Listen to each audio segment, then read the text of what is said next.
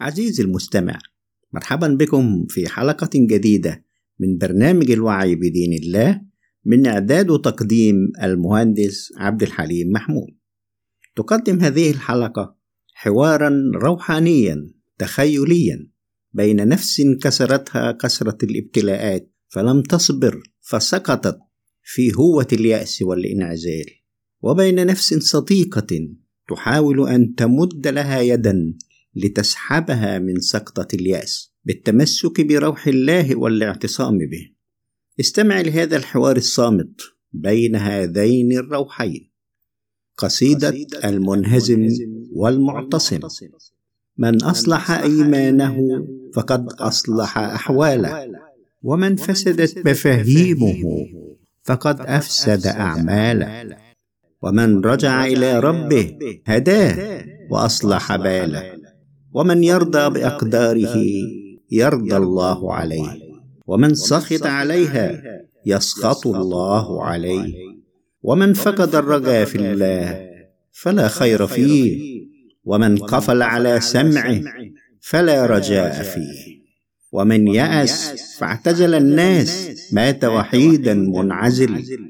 ومن ضيق في وسع السماء خر منها منفصل. فلا حقق حلم حياته ولا هو قد بلغ الأمل.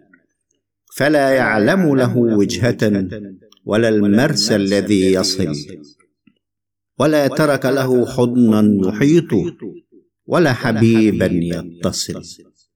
فاعلم فاعلم أنك سائر بين أقدار وما تأتيه من عمل. وأن شأنك دائر في ابتلاءات من الخير والعلل. فارضى بما قضى الله من خير ومن خطب جلل. واصبر على الأقدار كلها صبرا جميلا واحتمل فلا تقنط من رحمة الله. وأبشر بخير نازل أو قد نزل.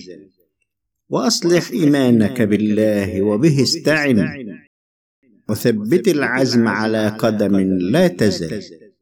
فاعمل في إصلاح حياتك بعمل لا يكل واسعى في وصل أهلك بسعي لا يمل فمن غلبته نفسه في هوة اليأس فهو المنهزم.